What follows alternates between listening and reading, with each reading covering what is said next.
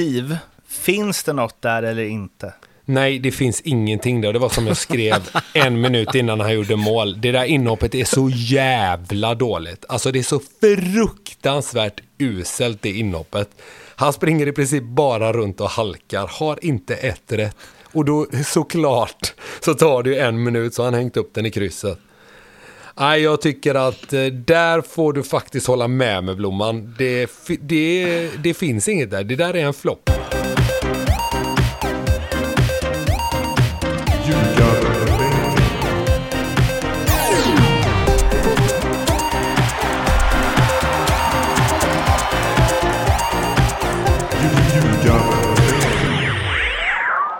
Ljugarbänken i samarbete med Betsson är detta alla samlade i samma land. För första gången på ett tag. Välkommen hem Pontus. Ja, tack. Men vadå, är Blomman hemma också? Nej. Är du Nej, inte? men vad fan, jag tänkte, vad fan, jag Nej. tänkte han är väl på sten Nej, nu. jag är på Malta. Alltså Mårten, du är så jävla dålig.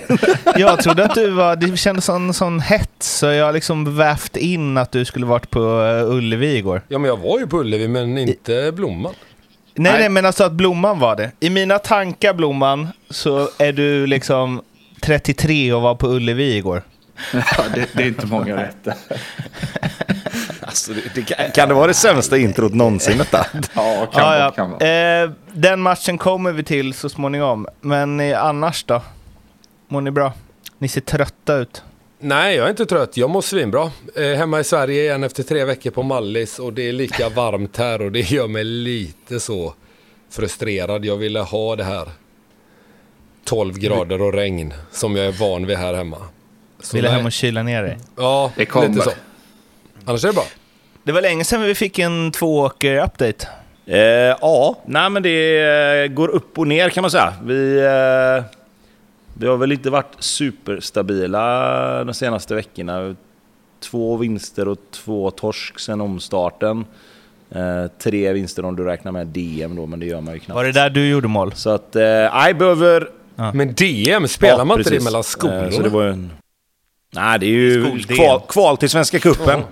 Eh, nej, men så att, nej, vi behöver hitta, vi behöver hitta en liten eh, level upp här nu och, och kunna ta, ta oss in i de sista 10-12 matcherna här på ett bättre sätt än, än vad som har varit på senaste. Vi bytt, bytt spelsystem och spelar numera på ett annat sätt än vad vi gjorde innan. Så att det kan ha lite med det att göra, men eh, nej, vi behöver vara lite mer stabila. Från 4-4-2 till 4-3-3? Nej. Nej, Nej. inte riktigt. Nej. Så att, eh, nej, men vi har tittat lite på för att, för att ta liksom... Dels för att utmana spelarna lite, men också för att se om vi kan eh, få lite mer, alltså fram, vara lite mer framåtlutade. Har processen fått sig en törn? Nej, det tror jag inte. Det handlar nog mer om att det är ett nytt sätt att spela på och att det blir lite... Ja, vissa spelare får springa lite mer än vad de är vana vid och det är väl mer det som gör att vi har varit väldigt, väldigt bra i första halvlek men sen tappat lite på slutet. Tobbe använder ju de två modeorden 2022 rätt bra där Framåtlutad. också. Fram, framåtlutad och utmana spelarna. Vem fan tror tränarna att de är? Helt ärligt. Jag kräks. Ja, Det, det har... Ja, men, ja, eh, det, Jag har fastnat, fastnat i den, eh, i den eh, i det vokabuläret lite. Så att jag ska be om ursäkt. Jag ska, jag ska bättra mig där har genast. jag och Pontus en liten spaning efter diverse planerande i senaste veckorna. Du kanske, för du har ju stött på lag i lägre divisioner, både via, eller via ditt andra lag, men också i DMs och sånt antar jag. Men att det är eh, väldigt hög svansföring i vissa division 5, division 4-klubbar. På väldigt dåliga lag. Ja, Vad, vad menar du då? Eller Nej, vad? men att man ska ta nästa steg och man ska liksom, alltså när man ska gå upp från femman till fyran och man ska, det är fullt fokus på träning och match nu. Inga störande moment får komma in. När jag spelade i fyran var Jag det har bara spelat i fullt division fot- 5. Ja, jag det var spe- störande Men vadå, moment säger, hela säger tiden. klubbar på... Alltså säger klubbar på riktigt att ni inte får komma dit för att det inte ska vara några störande moment i division 5? Ja. Men, skämtar du eller? Nej, när De jag ska ta spelade, när nästa jag, steg. Det var det, det var det tuntigaste jag har hört. På, Ja, när jag spelade i division Ja, men lite 4 då var det fullt fokus på nästa lagfest. Det var det enda. Där fick man inte störa. Resten var på anledning för folk att komma hemifrån var det att spela i division 4. Ja, men det är, har ändrats. Det är många Pep Guardiolas på, eh, som står och stampar i division 4. Östra Götaland eller vad fan det blir. Eh, men i alla fall, eh, Djurgården-Kalmar. Vi came show. Han som blev så sågad av Axén i spetsen och allt och alla. Han bländande var han mot Kalmar. Två superfina mål, en superduperfin assist till Asoro. Och trots att Djurgården hade en del eh, skador och eh, darrade lite i slutet, så tung eh, hemmaseger. Ja, och framförallt Wikheim är det såklart jättebra. Det har väl inte varit någon snack att han har varit en bra spelare innan heller. Däremot så har han ju det här jag vet inte vad man ska säga, men han har den här, när man, när man tittar på honom blir man lite irriterad och det är klart att är han inte... Verkligen. Ja, exakt. Och det tror jag även eh, djurgårdarna blir liksom. Alltså, det ser inte ut som att han tar i någon gång. Och har man då inte med sig att man, att man gör lite mål och assist som man är köpt för så kan det ju lätt bli att man blir sågad som man blev inledningsvis och som man, med all rätt. Men nu, har han ju, nu spelar han ju hur bra som helst och det är inte bara i den här matchen utan nu har han verkligen kommit igång. Så det är ju såklart supergoda nyheter för, för Djurgården. Men han har just det här, hans appearance stör mig som fan och det finns de spelarna som har den här, det ser inte ut som att de tar i och ja. Nej, jag vet inte vad jag vill komma med resonemanget, bara det att han, jag förstår att, han, att, han, att det är lätt att kritisera den typen av spelare, men nu ska man ju samtidigt hylla honom då när han gör det riktigt bra. Är inte det lite som lagkamrat också? När så här spelare i ens eget lag ser lite loja ut. Kan man inte bli lite irriterad på det? Jo, fast samtidigt så vet man ju kanske om det då, för att så här, han har ju inte tagit sig till den nivån han är om han är loj. Utan det ser ju bara ut som att han är det emellanåt. Oskar Wendt är ju en, en, en, lite samma typ. Eh, det ser aldrig ut som att han har tagit ett maxlöp, men han är, han är jävligt snabb om man springer bredvid honom kan jag säga. Eh, men det är också den typen av spelare som ser loj ut, fast inte är det heller såklart. Utan det, det är liksom kroppshållningen och, och sättet de spelar på som, som får dem att se loja ut. Jag ska eh, smyga in en liten hockeygrej här. eh, För det är ändå, jag ska, jo, Nej. jag ska berätta om en sak Håkan Loob har sagt och då får man ändå... Då, då platsar det i alla poddar. Eh, jo, men han, Pontus Åberg, eh, ni får väl, de, de flesta som får lyssna på den här podden får googla, men spelade i Färjestad när de vann SM-guld, tror jag. Eh, och då var Håkan Loob eh, sportchef där. Eh, och eh, han har en väldigt loj uppsyn, Pontus Åberg.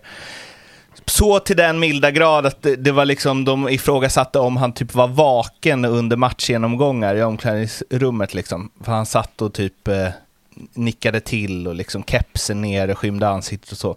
Eh, och så kunde han ändå vara bäst på plan, men då tyckte Håkan att han ändå skulle, alltså försök åtminstone det se ut. Du har din, du har din stil liksom. Men Fast försök... det är ju något eller- annat det tycker jag. Alltså du Ja, har inte en så aning om att Wikheim sitter och sover på matchgenomgångar. Det är bara det att han ser loj ut på planen. Men det Ja, är han, ju. han är ju inte loj. Det är Eh, bara det att nej, hela nej. hans appearance är att han ser loj ut. Jo, men om du, om du är, om du har ett kroppsspråk som hela tiden är lojt. Jag har träffat eh, Pontus Åberg några gånger. Han, eller när han går ser han ut som han ska somna. Eh, måste man, alltså så länge man är liksom taggad och gör det man ska, så, eller mås, har man något ansvar att så här, jag vet inte, bröstet ut? Ja, fast på G. matchgenomgångar behöver du ändå visa respekt. Det är ju Mm. något annat. Sen får du ju spela, sen har du ju tagit dig till den nivån du är på grund av Alltså sättet du spelar på. Så det ska du väl inte ändra såklart. Ska Wikheim helt plötsligt springa ut med bröstet och tror han blir en sämre fotbollsspelare så tycker jag absolut inte. Nej, och sen, sen tycker jag så här också att så länge han hör och liksom uppfattar och tar in vad som sägs på den här matchgenomgången så kan väl han sitta och blunda eller sitta med kepsen ner över, över ansiktet om han vill. Det är ju skillnad om man gör liksom Fast det är ju för fan, det är för fan en respektgrej eller? Det lär du dig i skolan. Om du står och pratar inför som tränare, inte fan vill du att folk sitter med kepsen neddraget om det skulle vara så. Vad fan håller du på med? Nej, fast, fast så, jag, jag, alltså om jag vet att den här spelaren behöver, det är så här han laddar. Om han blir bäst, om han gör sitt under match och är som bäst för att han laddar på det här sättet, då hade inte jag haft något problem med det. Jag hade säkert ifrågasatt det till en början. Och är det så att han missar liksom och, och liksom inte tar sin markering eller missar vad han ska vara på fasta eller, eller liknande, så är det klart man får säga till honom. Nu får du liksom, hallå, shapen up här nu. Men om han går ut varenda match och gör sitt och är bäst på plan, som du sa, liksom att, som Pontus Åberg då, om vi använder honom som exempel, då ser jag, ingen, då ser jag egentligen ingen... Jag ser ingen anledning till varför han inte skulle kunna göra så. Ja, nej. Ett lätt sätt att komma undan att få fortsätta göra så är ju att man skärper till sig en gång när tränaren har bett om det och sen är man sämst på matchen. Med bröstet ut hela tiden. Wikheim, vill du stämma in i hyllningskören, Blomman? Ser sugen ut? Nej, avstå den. Men eh, ja, två plus ett. Det är väl bara att lyfta på hatten. Och det behövs väl för Djurgården att eh, både han och Asoro växlar upp och, och hitta, hitta lite ny nivå här nu när man ska dubbelspela. Och kanske eventuellt även spela gruppspel. Vi får se. Alltså pratas det för lite om att Djurgården har blivit jättebra sen Haksabanovic lämnade? Det var väl du som sa att Haksabanovic var seriens bästa spelare, så Ja, du men har ju det, det, definitivt jo, men det tycker pratat jag, för lite jo, men om det, det. jo, men det, jo, men det tycker jag fortfarande. Samtidigt, Blåvitt har blivit bättre sen, sen Sanna lämnade och det är också en jättebra spelare. Så jag vet inte, alltså... Men jag, jag vet inte om det... Men just det med det med Haksabanovic har jag ju tänkt rätt mycket på. Att jag tyckte inte att Djurgården såg så bra ut när han spelade. Sen så var det i början av säsongen och allt det där. Men jag tycker verkligen de har tagit steg i rätt riktning sen han lämnade faktiskt. Känns som Edvardsen också. Ja, men vi pratar ju om det en del, om att vissa spelare ska ju ha bollen mycket och att det inte blir samma dynamik och samma, samma flyt i spelet. Liksom. Och jag tycker att den trion som är framåt nu, kanske inte nödvändigtvis just i den här matchen, men de tre eller de fyra de har gått runt på. Det har ju varit Edvardsen, Radetinac, Wikheim, Asoro. Liksom. Det är ju de som har spelat mest. Eh, jag kan ju tycka att de fyra kanske passar bättre in i Djurgårdens sätt att spela. Det är lite mer fart på Wikheim än vad det var på Haksabanovic. Där var det lite mer få bollen på fötterna och, och, och styra spelet därifrån. Edvardsen har varit bra hela säsongen, men blivit bättre egentligen när han fått en annan, lite annan roll.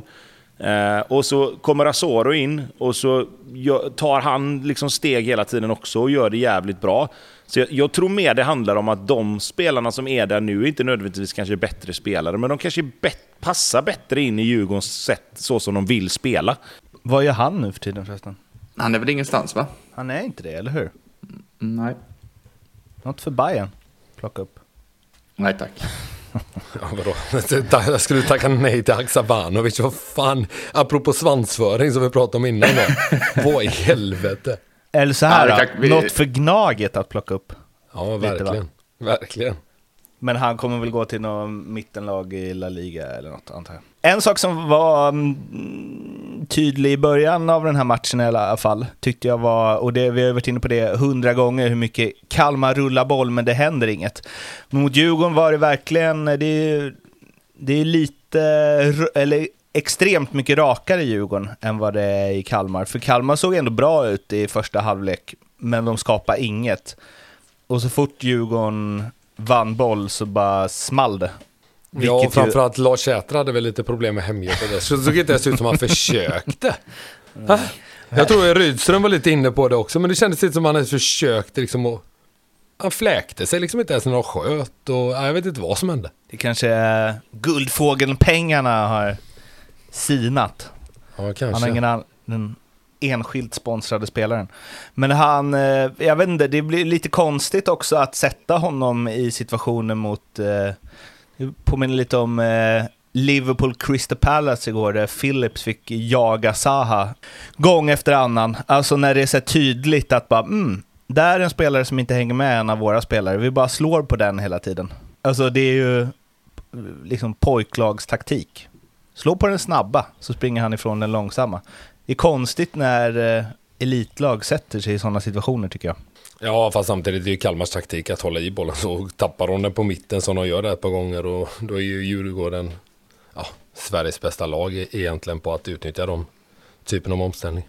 Men då måste man väl ha sett det, eh, om man är Sveriges bästa tränare som Henrik Rydström, att så här, mm, när de slår på honom kommer han springa ifrån Sätra. Jo, jo, fast samtidigt, tanken är väl inte att de ska tappa bollen där. Jag tror inte att han säger det, att vi ska tappa den exakt mitt in i mitten. Nanasi, du ska vända hem med bollen så att Djurgården får den och med en touch kan sätta den i djupet. Jag tror inte liksom det ingår i Men sånt i händer ju.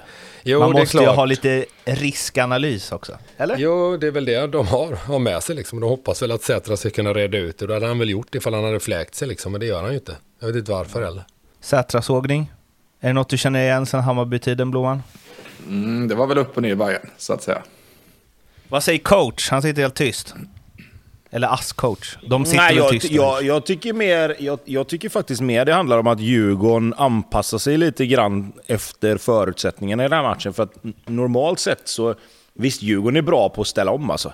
Det är inget snack om det, men normalt sett så skulle jag nog ändå säga att man kan se Djurgården försöka vinna boll, alltså ställa om och sen när det inte går så börjar man om och så försöker man bygga spelet därifrån sen.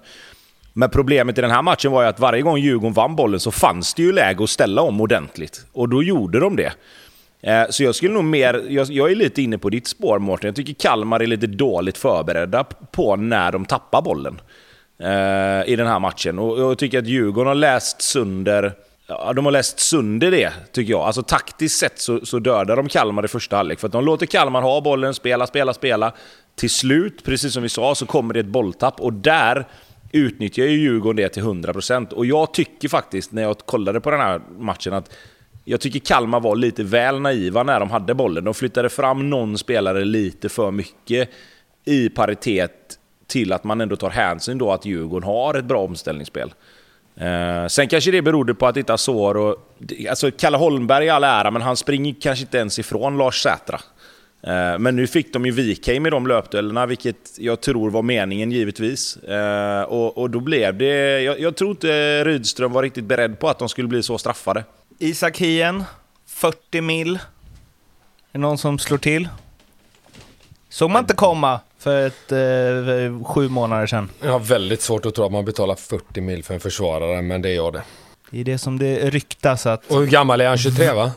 Ja, dåligt att inte kunna det kanske, men hur som helst, jag tror inte man Han är betalar... 23. 23. Ja, nej, det, det låter helt eh, galet att, att något lag skulle betala det för honom efter en halvbra säsong, alltså en, en bra första halva då. Och så här, Torino och Verona. Slänger de upp sådana summor? För Ja, men nu får de ju in lite cash tror jag. Brenn, vad heter han? Bremer eller Bre, vad heter han? Gick Ja, till gick Juventus, till Juventus, där. 400 precis. mil. Ja, så där har de ju lite cash. Och så även, de sålde väl Simeones pojk. Eh, från Verona Ah. till Napoli nu va? Så de har också deg. Men ändå. Det är inte det man... Eller det har gått fort kan man väl säga. Vi har ju pratat om det förut, att liksom de ser något som de kan utveckla. Han har fysiken och han har, har de bitarna och kan de ja, bara han få ser in ju lite italiensk verkligen taktik. ut som en mittback alltså. Det får man ju säga. Exteriören är ju väldigt mittbackig. Men sen tror jag man kanske kollar lite grann också. Jag menar, nu är det ett tag sedan visserligen, men de tog ju ändå Marcolli från Djurgården via... Liksom ner, ner, har varit nere i Sampdoria och gjort det bra. Liksom. Så jag tror att den profilen... Den profilen på mittbackar funkar ganska bra nere i Italien tror jag. Och därför så kanske man är redo att lägga någon miljon euro extra på, på att plocka in en, en spelare i den åldern och, och ta, om man säger, inte risken, men att ta... Du gör ju ändå en liten chansning att ta en spelare direkt ner så från Allsvenskan, men jag tror ju att han löser det. Det är jag helt övertygad om att han gör. Kanske inte med en gång, men på sikt Men absolut. du vill bara säga grattis Djurgården då, med tanke på vad de har på den positionen så är det ju jackpot att få sådana pengar för en mittback. Ja, ja. Och sen, sen skulle inte jag bli superförvånad om det visar sig att Une Larsson dyker upp eh, till någon gång inom den, en hyfsat snar framtid igen också. Liksom. Det Eh, behövs i Allsvenskan. En Une Larsson. En Une Larsson behövs alltid, ja, men precis.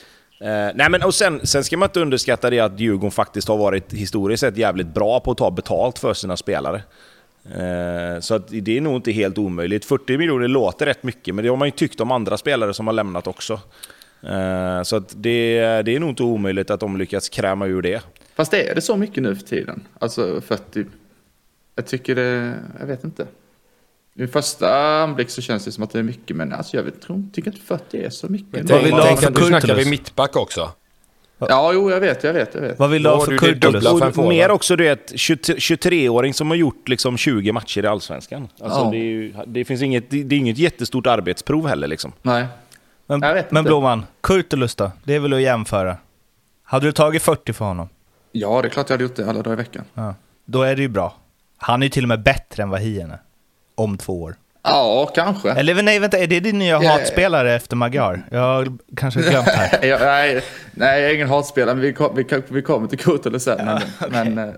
Passningsspelet i eget straffområde och så vidare. Malmö-Sundsvall 3-1. Kiese två baljor. Ehm, ja, fina mål. Birmancevic bankar in en och eh, kör eh, handen mot örat mot egna supportrarna. Gillar man. Alltid kontroversiellt. Sällan bra att göra. Ett tips till alla där ute, gör ni mål så gör ingenting mot era egna supportrar. Det brukar sluta rätt dåligt. Och det är väl någonting om man gör det kanske om man gör ett hattrick Malmö-Bayern. Men när man gör 1-0 hemma mot Sundsvall känns det väl kanske inte som att det är liksom hysch. Hysch-målet nummer ett i Allsvenskan i år. men han är inte i balans, det vi pratade om det förra veckan va? Det här med eh, Don't Waste Talent, inlägget på Instagram och allt vad det var. Det, det är någonting som inte är riktigt hundra där. Nej, lite oskön faktiskt. Näst oskönast efter Ondrejka. Fan, han har gjort sju mål i år. Det låter konstigt. Alltså han svarar ju här, eh, har du fått orättvis kritik från supportrarna den här säsongen tycker du? Hmm, bra fråga. Kanske. Fansen vill alltid ha det bästa. Jag spelade mycket bra i fjol och vi var i Champions League och vann ligan. Den här säsongen har varit lite galen. Det är ändå självinsikt. Så påpekar han att han gjort 12 mål under den här säsongen mot 13 i fjol. Han har gjort alla de målen, fem i kuppen, men han har ju inte gjort sju i allsvenskan väl? Men står det att han har gjort sju mål i Allsvenskan så har han väl det, eller? Vad? Nej, men jag menar fem i kuppen, alltså var det Europakval och sånt. Alltså om han Ja, har gjort sju gjort. mål i allsvenskan, Han har gjort fyra i Allsvenskan. ja exakt. Ja, nej, det har han inte. Han gjorde ju, kanske. vad gjorde han? Ett eller... Han gjorde väl eh, mål mot islänningarna med, gjorde han inte det? Jo, han har sju i kuppen och sen två i Champions League, ett i Europa League. Är det här spelaren som är Malmö FFs motsvarighet till eh, Tobias Sana och Sead Haksabanovic? Slussa så vinner ni guld. Nej, det tror inte jag. Han har ju ändå varit där när det har gått bra. Alltså, det är väl skillnaden tycker jag. Alltså, Djurgården har ju varit jävligt bra efter Haksabanovic lämnade. Inte, jag tror inte bara det handlar om det såklart. Det handlar väl om att andra spelare också hittat formen på något sätt och, och, och gjort det mycket bättre. Och det tog en liten stund för dem att komma in i säsongen kanske. Men eh, med, med Birmancevic så tror jag snarare det handlar om att det har ju varit en lite halvgalen säsong för dem. Liksom. Det har ju inte funkat med Milos. Eh, jag tror att det är mer det som handlar om. Jag tror att får de in en tränare som, som sätter en, en lite bättre idé och kan använda honom på ett lite bättre sätt så tror jag att den tryggheten kommer göra att han kommer liksom bli bättre också såklart. Eh, jag tror det gäller ganska många spelare i Malmö faktiskt. Man trött man hade blivit som supporter ändå. En spelare som förlänger förmodligen rätt dyrt kontrakt, pissdålig efter det och sen gör han mål mot laget som håller på att slå rekord i insläppta mål. Och då kör han liksom en handen mot örat mot egna supportrarna. Alltså det är ju ingen gubbe man hade backat i vått och torrt direkt. Fan Blomman, tänk att han spelar i Bayern. vad hade du gjort? Du hade ju rivit säsongskortet. Jag blir tokig. Ja. Nej, men det är klart man hade det. Det är jazznivå ju- nästan. Nej, det, det är det inte. Det är Fast det honom har ni tagit in i värmen igen, det är ju inga problem. Ja, ni Det kommer ni vi till. vet jag inte, men ja. Eh, Seidan trär eh, in ytterligare en fin passning. Eh, har ju gjort succé sedan han hamnade i MFF. Nu skadad. Kan missa matchen mot eh, Sivasspor. Inte bra, Det är som att det ligger en förbannelse över det laget och skador, va? men lite så. De värvar in nya spelare vad, som vad för också... typ av skada var det då? Det är väl någon mild eftersom han kanske missar matchen. Ljumsken. Alltså jag, jag tycker fortfarande, jag tycker fortfarande liksom, utan att ha insyn i hur Malmö jobbar och utan att liksom veta, jag tycker det är lite mycket skador för att det inte ska börja ifrågasättas lite grann kring kring medteamet där nere. Nu vet jag att liksom, följer man med lite grann så är det vissa som har varit inne på det lite grann, att vad gör de där nere egentligen? Men det är ju lite för mycket skador för att de ska komma undan helt och bara liksom, ja men det är otur och slump liksom. Alltså smällar och sånt kan man ju inte försvara sig emot, men liksom överbelastnings och muskelskador, liksom förslitningar och så, det, det är ju ändå en liten del av det som är... Alltså det, det hör ju någonstans till att se till att få fason på. Eller vad, Pontus, vad tänker du kring det? För det är ju väldigt mycket skador. Alltså just denna säsongen, det har väl alltid varit mycket i Malmö med tanke på att de spelar mycket matcher och så, men det känns som det är extremt mycket just i år, eller? Utan att ha någon statistik ja, på nej, det. Jag håller med dig. Någonstans så måste de väl ta ansvaret till slut också. Så länge det inte är freak injuries som du var inne på lite där så så någon måste ju ta skulden för det också kan jag tycka. Alla kan inte bara ducka och säga att det är otur hela tiden utan hur kommer det sig att de är det laget som är överlägset mest drabbat och, med, och de är också laget med bäst förutsättningar antar jag. Eh, just när det kommer framförallt till ekonomi så är de ju definitivt det. Eh, så nej, de har lite att, att ta tag i nere i Skåne. Erik Larsson lämnar. Hälsomentorn. Ofi Kreta. Det passar ju, alltså för hans Instagramkonto är det ju en klockren övergång ju. Jo, jo, men först kan han ju spela fotboll, sen efteråt förstår jag om man gör det. Mm. Men, Men vänta nu, har jag missat något? Vad- Nej, jag går alla- inte in Är det något alla vet, eller vadå? ja, men det är väl de flesta. Här är du lite Ja. off. Halsomentorn på Instagram. Kan du, har du något att göra i eftermiddag? Ja, Slipper du jobba? Ja, nej, nej, jag Eh, fattar ju givetvis också att det är jättebra och allt det där, va, men spela fotboll och så tar du tag i Alltså- det efteråt sen om det är ditt kall. Liksom. Han måste, ju vara, han måste vara väldigt trygg i sig själv, för det, det måste ju komma ett och annat hån, tänker jag. Ja, det tror jag. Det, Det- tror jag nog. Eh, Det är öppet mål för motståndarna. ja. Däremot så körde han ju typ en sån Kurre Hamrin på matchen där vid, vid 3-0 målet. Sen kan vi ju ta försvarsspelet ifrån, eh, vad heter han? Hjälp mig. Forrest Lasso, var Ja, det? nej, det är inte Forrest Lasso, det var den andra, Corona. Ja. Så liksom tassa med bara. Det är så fruktansvärt dåligt försvarsspel. Och eh, en sak till jag tänkte på är att han spelade vänsterback, Erik Larsson, och tanken är att han lämnar Knut. Sen kan jag inte vara svinglad eller? Du menar att de spelar någon som det är inte hans naturliga position och det är klart att han lämnar och ändå går han före. Ja, det känns väl som ett statement, eller är det något jag har missat här?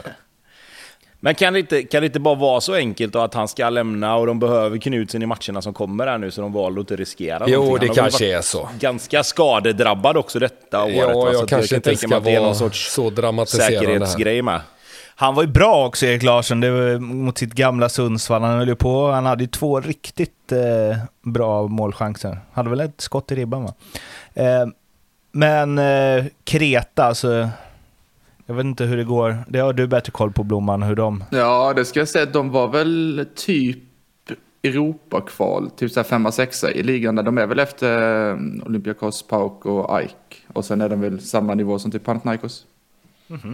Men det, Så det är inte så illa. ja, men det är ju trevligt, det hade man ju...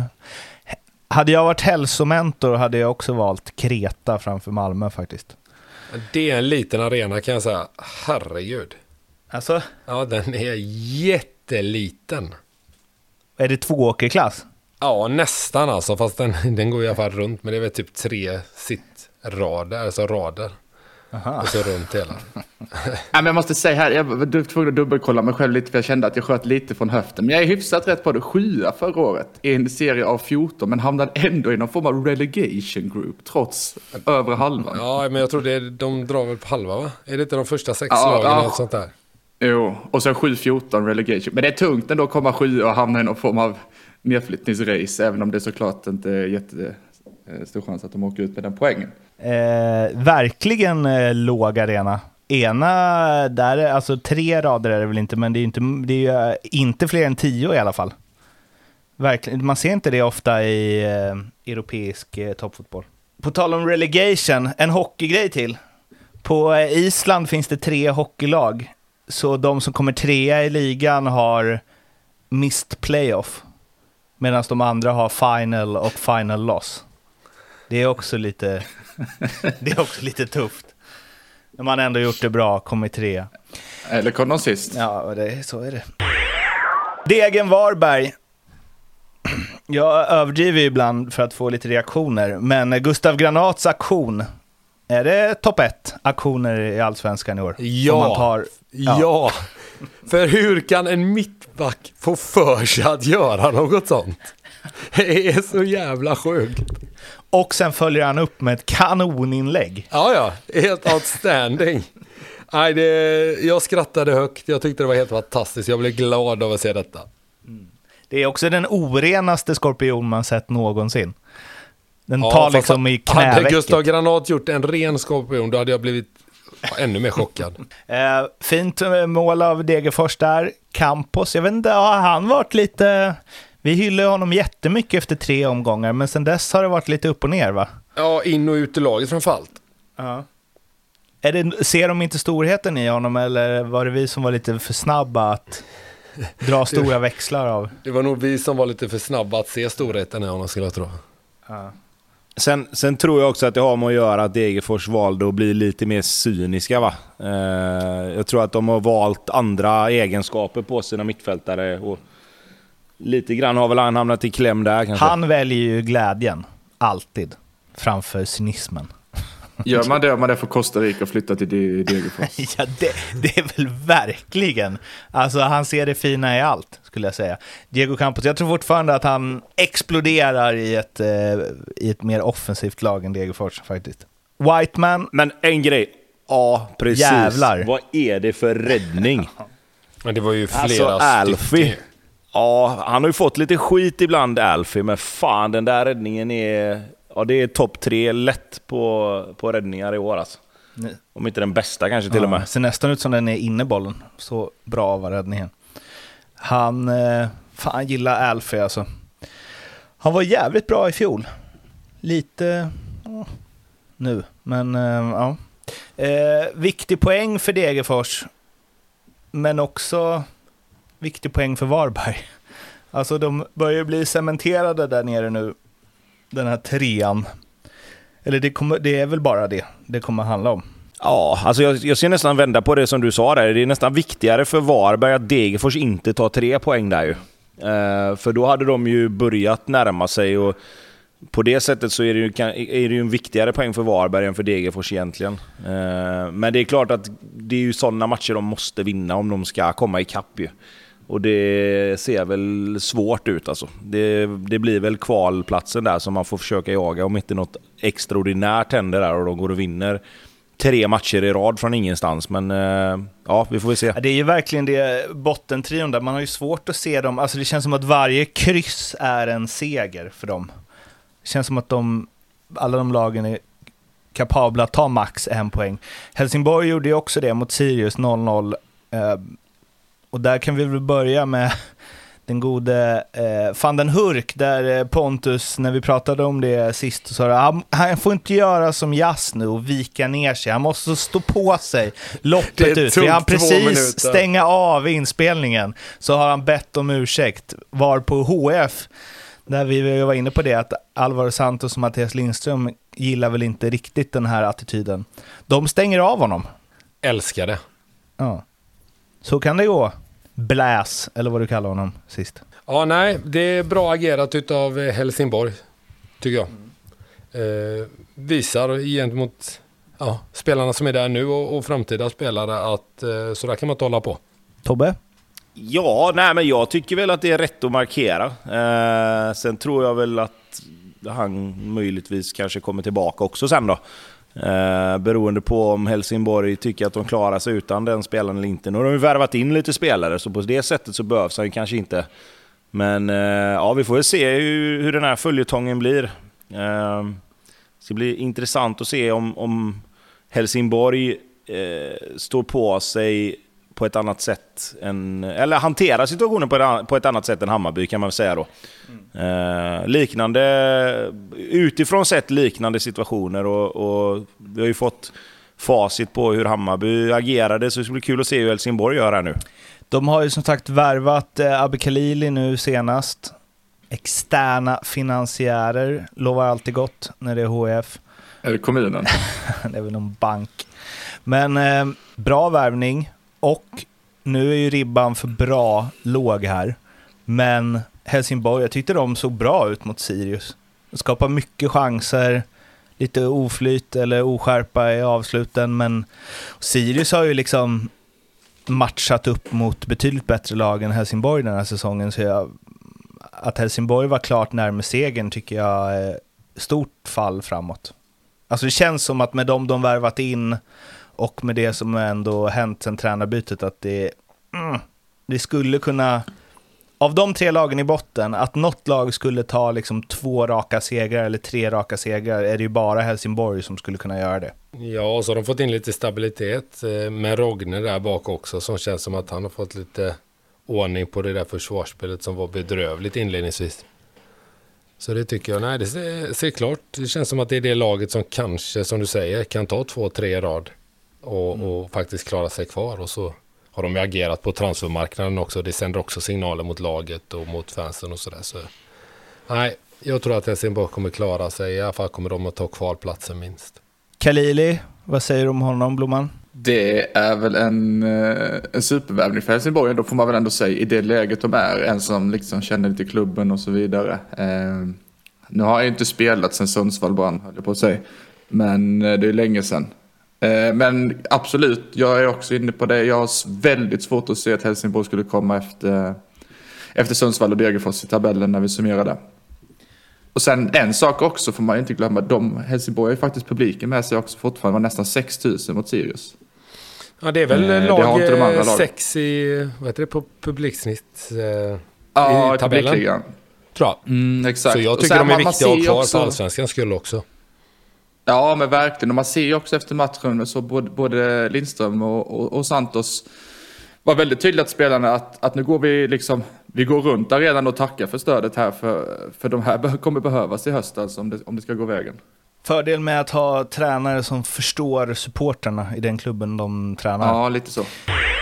Nu har det blivit dags för eh, speltips. Sunds, yes. Sundsvall eh, håller du varmt om hjärtat va, Pontus? Ja, de gjorde ju mål sista där, sista sparken. Det var så dåligt gjort av Malmö. Det spelade ju ingen roll för Blåvitt torskade ju ändå. Ja, just det, just det. Men just där och då var jag lite förbannad kan jag säga. För jag hade bra feeling för Blåvitt. Tyvärr så vann ju inte de ändå. Men nu har du bra feeling för? Så här, Norrköping kommer vinna mot AIK.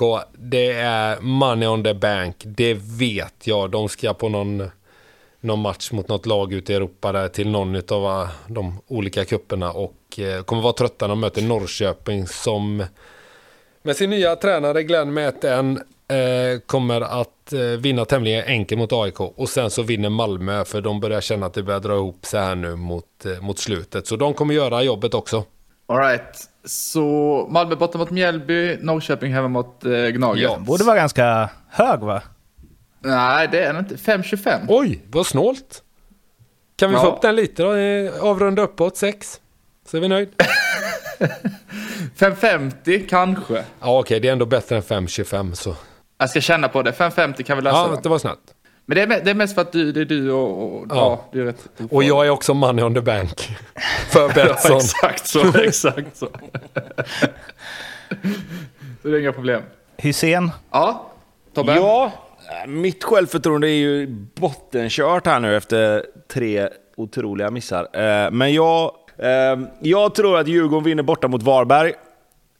De tappar inte poäng där, Europaspel eller ej. Även om det har varit eh, tjafs om att de ville flytta den matchen så kommer de lösa det tror jag. Och sen vinner Helsingborg uppe i Sundsvall tror jag. Med lite nyförvärv och lite mer stabilitet så har jag svårt att se att Sundsvall rår på Helsingborg där. Så jag tror att det blir vinst för Lindström och kompani. Ja, eh, det blir 4,75 på den. Ja, det blir väl bra. Du gillar ju inte när du får för högt odds på dina, för då känner ja, du att under du är fel fem, ute. Då känner vi mer, ja, under fem är bra. Jag tänkte nästan säga du kan ta ner den till 4,50. Men då är det större chans att det sitter, eller? ja, eller hur? Ja. Eh, ljugarbänken under godbitar och Spetsson.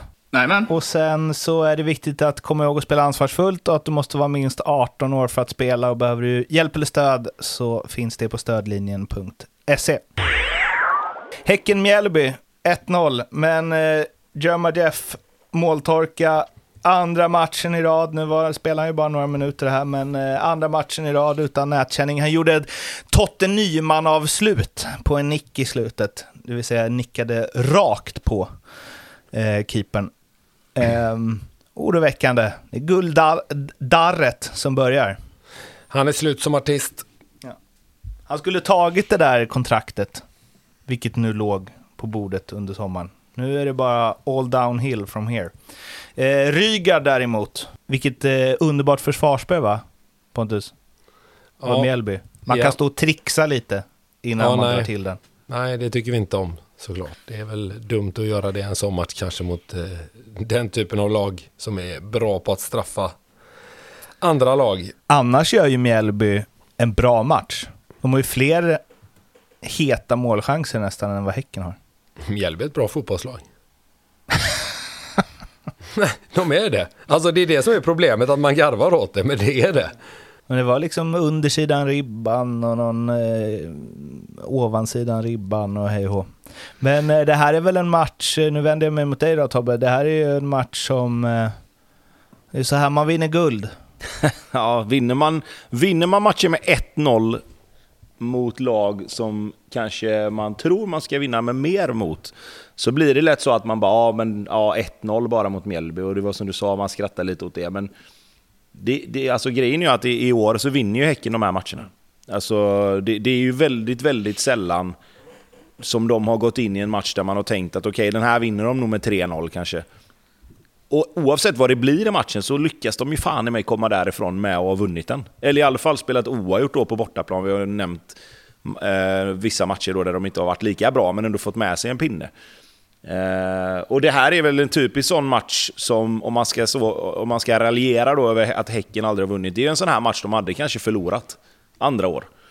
Eh, men de, nej, de, de gör det bra alltså. Jag tycker fortfarande att de är... De har en spets i sitt spel när det väl flyter på. Nu gjorde inte det lika mycket i den här matchen kanske, men, men när, det väl, när de väl får stäm i sitt passningsspel och, och ska börja ta sig mot sista tredjedelen så, så det går fort alltså. Det, det är på ett och två tillslag och, och det kommer löpningar på tredje och fjärde spelare. Liksom. Det, det, det är som sagt förut, de får det svåra och ser jävligt enkelt ut. Sen är det inte ett sånt sätt de gör mål på. Målet blir lite slumpartat, det blir någon block, kommer ut igen. Jävla fint avslut. Men, men de har som kvalitet på, på många spelare nu att, att någon av dem kommer att och, och hitta en riktig jäkla toppaktion i matchen som gör att de vinner den till slut. Ehm, så att det ser, eh, ja, det ser bra ut för Häcken tycker jag. Varför spelade inte Jerma Jeff från, från start? Han har varit sjuk, Är det därför? Bra. Fick vi rätt ut det med. så han hade bara en 10 minuter, en kvart All i right. sig, eh, sa de. Nej, jag hade ett öga på denna matchen samtidigt som, som Bayern då givetvis. Eh, och det hände ju någonting när de bytte in faktiskt er gubbe Sanna där i 65. Och sen eh, ännu mer händer det när de byter in Jeremejeff. Alltså från 75 till 90 kan ju Häcken göra fyra mål. Det, Ja, men jag, jag tror att, ja men precis, och jag, jag tror att det beror på att de vet att de vet att det kommer in spelare med kvalitet. De vet att nu finns det individuell kvalitet på plan som kan göra mål från egentligen ingenstans. Och det är klart att det blir ju en jävla boost för medspelarna. Det vet man ju själv när man, när man liksom får in en spelare på plan som kanske Ja, men som du vet har gjort mycket mål, som du vet är i form. Du tror fan att oh, nu kommer han in, fan hoppas han kan göra någonting nu. Eller, liksom, eller se till att dra på sig lite, lite bevakning så någon annan spelare blir fri. Och det, det är väl lite så det blir på målet också. Även om inte Rygaard och Jeremejeff är samma ytor så, så blir det ändå... Någon måste vara fri om du ska sätta två spelare på Jeremejeff in i boxen. Och det är väl lite så...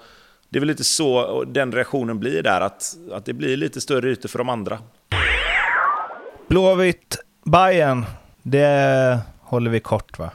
Det kan vi göra. Eh, varianten, vill du prata om den Blomman? Den trixiga, vad var det Stare sa? De är trixiga och fixiga vid fasta situationer, Hammarby. Ja, det är väl en bra beskrivning. Det finns ju många varianter i den boken så att säga. Jag vet inte vems bok det är egentligen. Det var vi pratade om att det var assisterande tränaren. Vi. Kalilis bok. Det kommer... Det ja, det Kalilis kan vara Kalilis bok. Eh, hur som helst så, jag har aldrig varit big fan av korta hörnor fram tills den här säsongen, men, eh, med lite tanke bakom och lite variation så, så kan det uppenbarligen bli, bli väldigt bra. Och eh, hyfsat avslut också. Långsamt ändå, alltså löst på något konstigt vänster, men ändå Ja, hårt. ah, det vet jag. Alltså, hårt för att vara bredsida utanför Jo, straffområdet. men också liksom som att det var inte så att det bara... Man hann verkligen följa med bollen in i mål. Ja, men det var ju för att det inte var en brist utan det var en bredsida. Så jag tycker ändå att han borde ha den, va? Nej då. Men det var ju... Nej, fin variant. Varför gör man inte varianter oftare? Det känns som att det är sällan man ser misslyckade varianter. Alltså helt misslyckade varianter. Ja, det gör man väl hela tiden, för folk spelar väl korta hörnor utan någon så här halv, halvhjärtad tanke. Ja, men typ. då är det ju ingen variant. Då är det ju inte, nu kör vi 7B här. Ah, Okej, okay, du tänker så. Ja, fair enough. Nej, men det, det är jag helt enig jag, tycker, jag förstår inte heller det. Jag, jag, nu är jag ju som sagt minst fotbollsspelare av oss, av oss fyra här. Eh, men, men att det liksom inte läggs mer tanke och kraft och tid på olika typer av varianter och så vidare när det kommer till fasta i fotboll är för mig helt obegripligt. Fast jag tror att det börjar Men gå åt det jag- hållet jag- nu. Ja, och sen också så, så är det många varianter som du kanske tänker att du ska göra, men som motståndarna lite grann har koll på. Eller att det står folk i ytor och försvarar så att det inte går att göra de tänkta varianterna varje gång. Liksom. Eh, för så kan det ju vara att hade det stått två spelare utanför straffområdet så hade ju inte Hammarby kanske gjort just den varianten.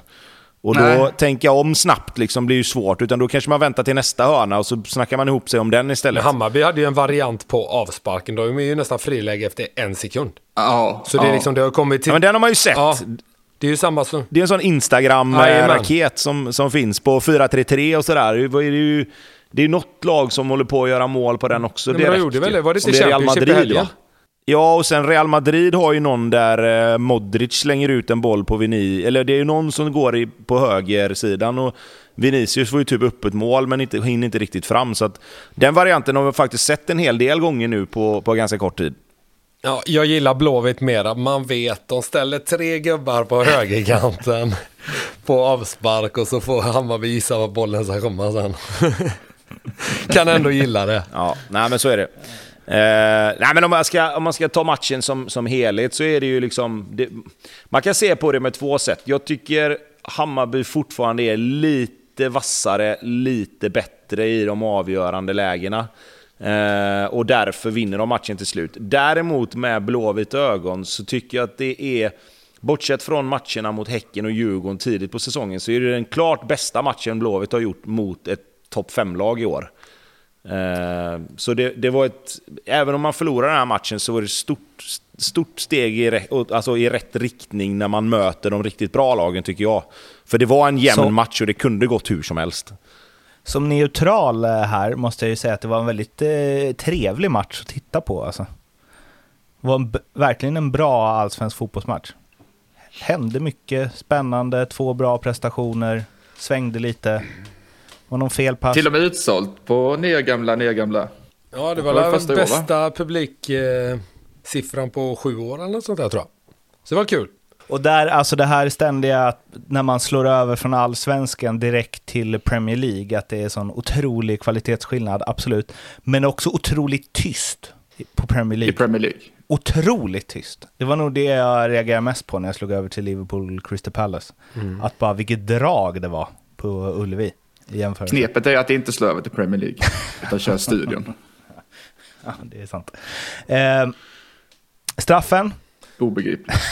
Ja, det, alltså, nu, vi, ja, det tror jag vi alla kan slå fast. Det ska ju givetvis vara frispark till, till Jasper.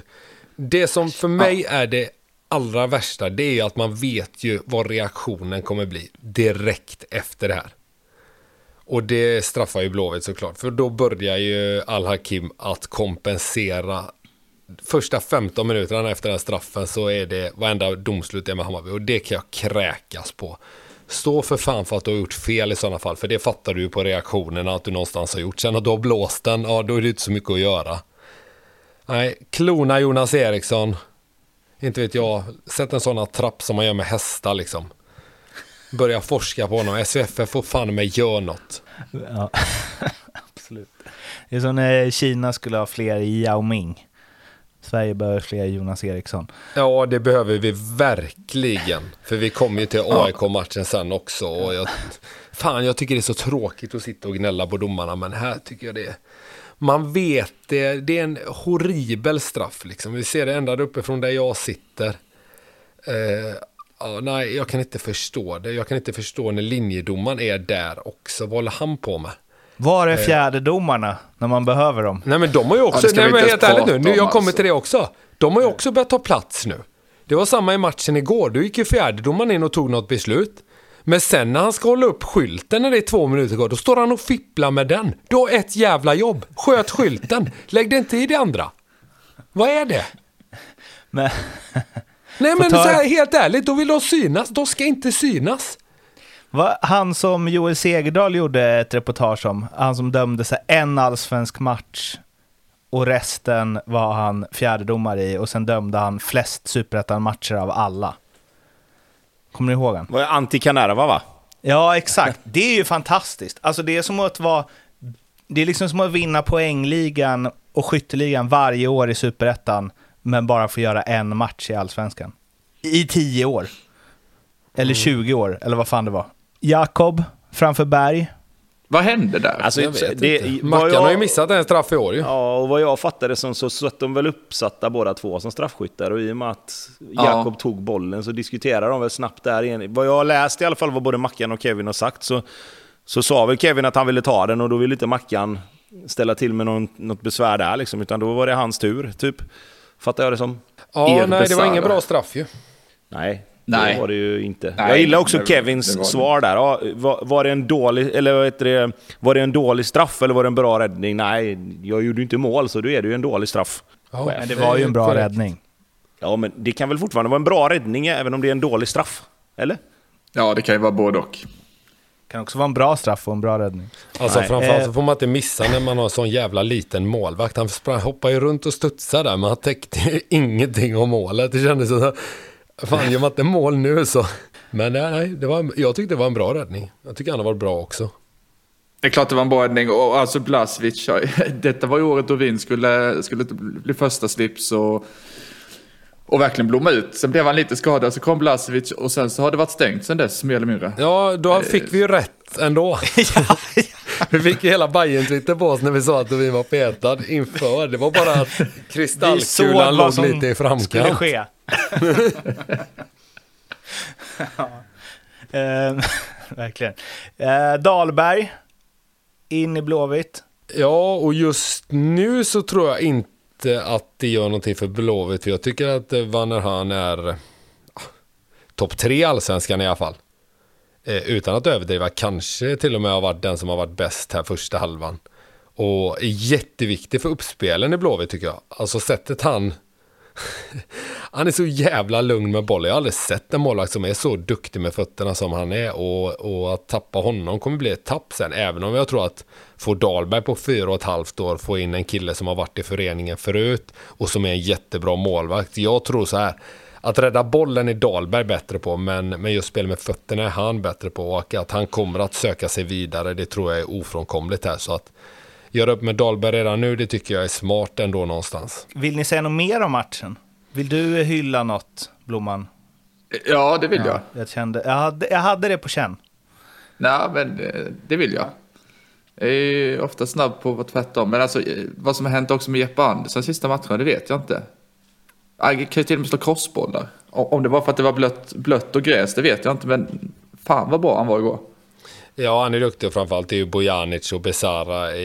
Det är ju de som jag tycker är någonstans tungan på vågen i det här mötet. Det är ju de som gör att Hammarby vinner.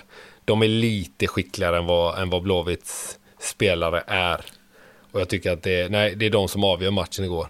Sen så tycker jag att om man tittar på Bayern lite, det känns som att de är på ett jävla bra ställe just nu. Jag, såg, jag tänkte på det när, när Steve gjorde mål.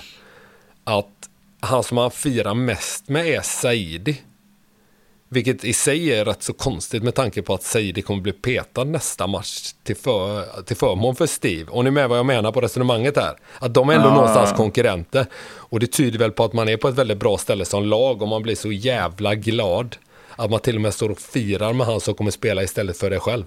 Till, till nästa match. Steve Finns det något där eller inte? Nej, det finns ingenting där. Det var som jag skrev en minut innan han gjorde mål. Det där inhoppet är så jävla dåligt. Alltså det är så fruktansvärt uselt det inhoppet. Han springer i princip bara runt och halkar, har inte ett rätt. Och då såklart så tar det ju en minut så han hängt upp den i krysset. Nej, jag tycker att eh, där får du faktiskt hålla med med Blomman. Det, det, det finns inget där. Det där är en flopp.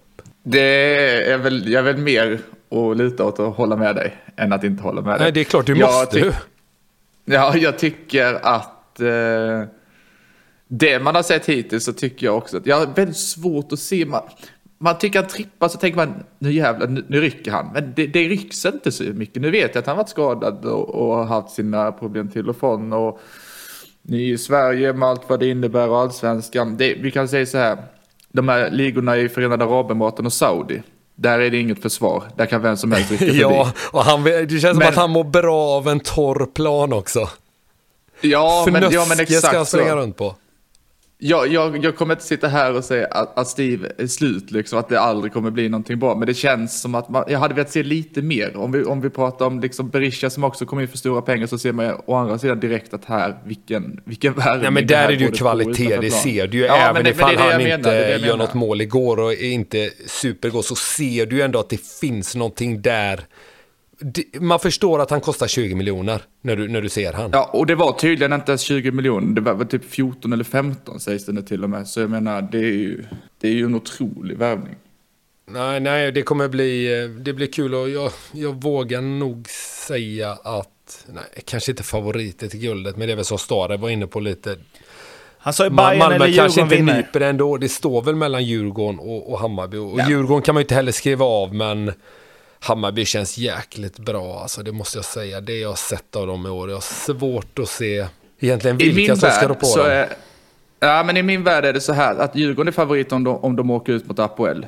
Går de vidare mot Apoel så är Bayern favorit att vinna guldet. Och sen Häcken trea. Ja, ingen Malmö dum fyra, take sen- faktiskt. Tack för att du ändå räknade in så. dem som leder serien med 11 omgångar, 10, 12 omgångar kvar. Ja, nu blir han Nej, kränkt men, jag, här också. men, jag ser, men jag ser liksom inte här, liksom, alltså AIK, om vi nu ska bara ta Nej, AIK och Malmö om- tror jag inte vinner. Toppen. Nej, nej, du ser. Då är det ju inte så Nej, många men jag kvar. Ja, menar men mer att alltså- det, det är ändå, men- jag tycker bara det, nu blir det det här, nu kommer det här Häcken-snacket igen, men det blir ändå, ja, men jag tycker fortfarande det är konstigt, för det har varit likadant snack i, liksom, i tio omgångar. Jag kan, jag, nu med facit i hand kan jag köpa det mer för tio omgångar. Sen att man liksom säger, ja, men Häcken vinner inte, Häcken kommer inte vinna.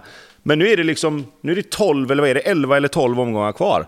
Och Häcken leder och det är fortfarande så här, ja, men Hammarby vinner nog, eller Djurgården vinner nog. Man, de- man pratar liksom fortfarande inte om Häcken.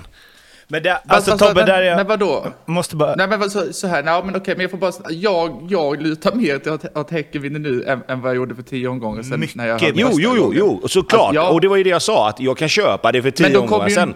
Men då vill jag också lite... Men de är ju inte favoriter nu.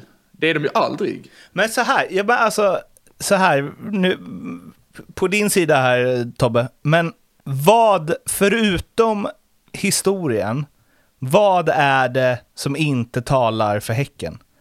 De, alltså de spelar bäst, de vinner, Alltså, ja. Nej, det, det, det kanske inte Djurgården, nödvändigtvis är spel, sant. Djurgården spelar bättre än Häcken Men, tycker men, men jag menar mer att det finns, ju, alltså, det finns ju ingenting, som du säger Mårten, förutom historien, som skulle tala för att Häcken inte skulle vara med och slåss om det på riktigt. Men inte med oss, ja, va, det är klart att de är favoriter. Jag har De redan vinner hittat alla fem matcher som Häcken torskar här nu framöver.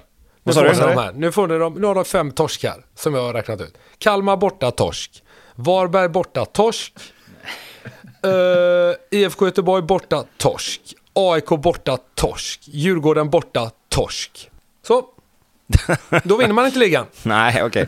Nej, det, det, det, Det kan, det kan vi väl konstatera, att förlorar de de fem matcherna, då vinner de jävlar inget SM-guld. Det finns, det finns inte en liten, liten risk att eh, Tobias Sana avgör derbyt.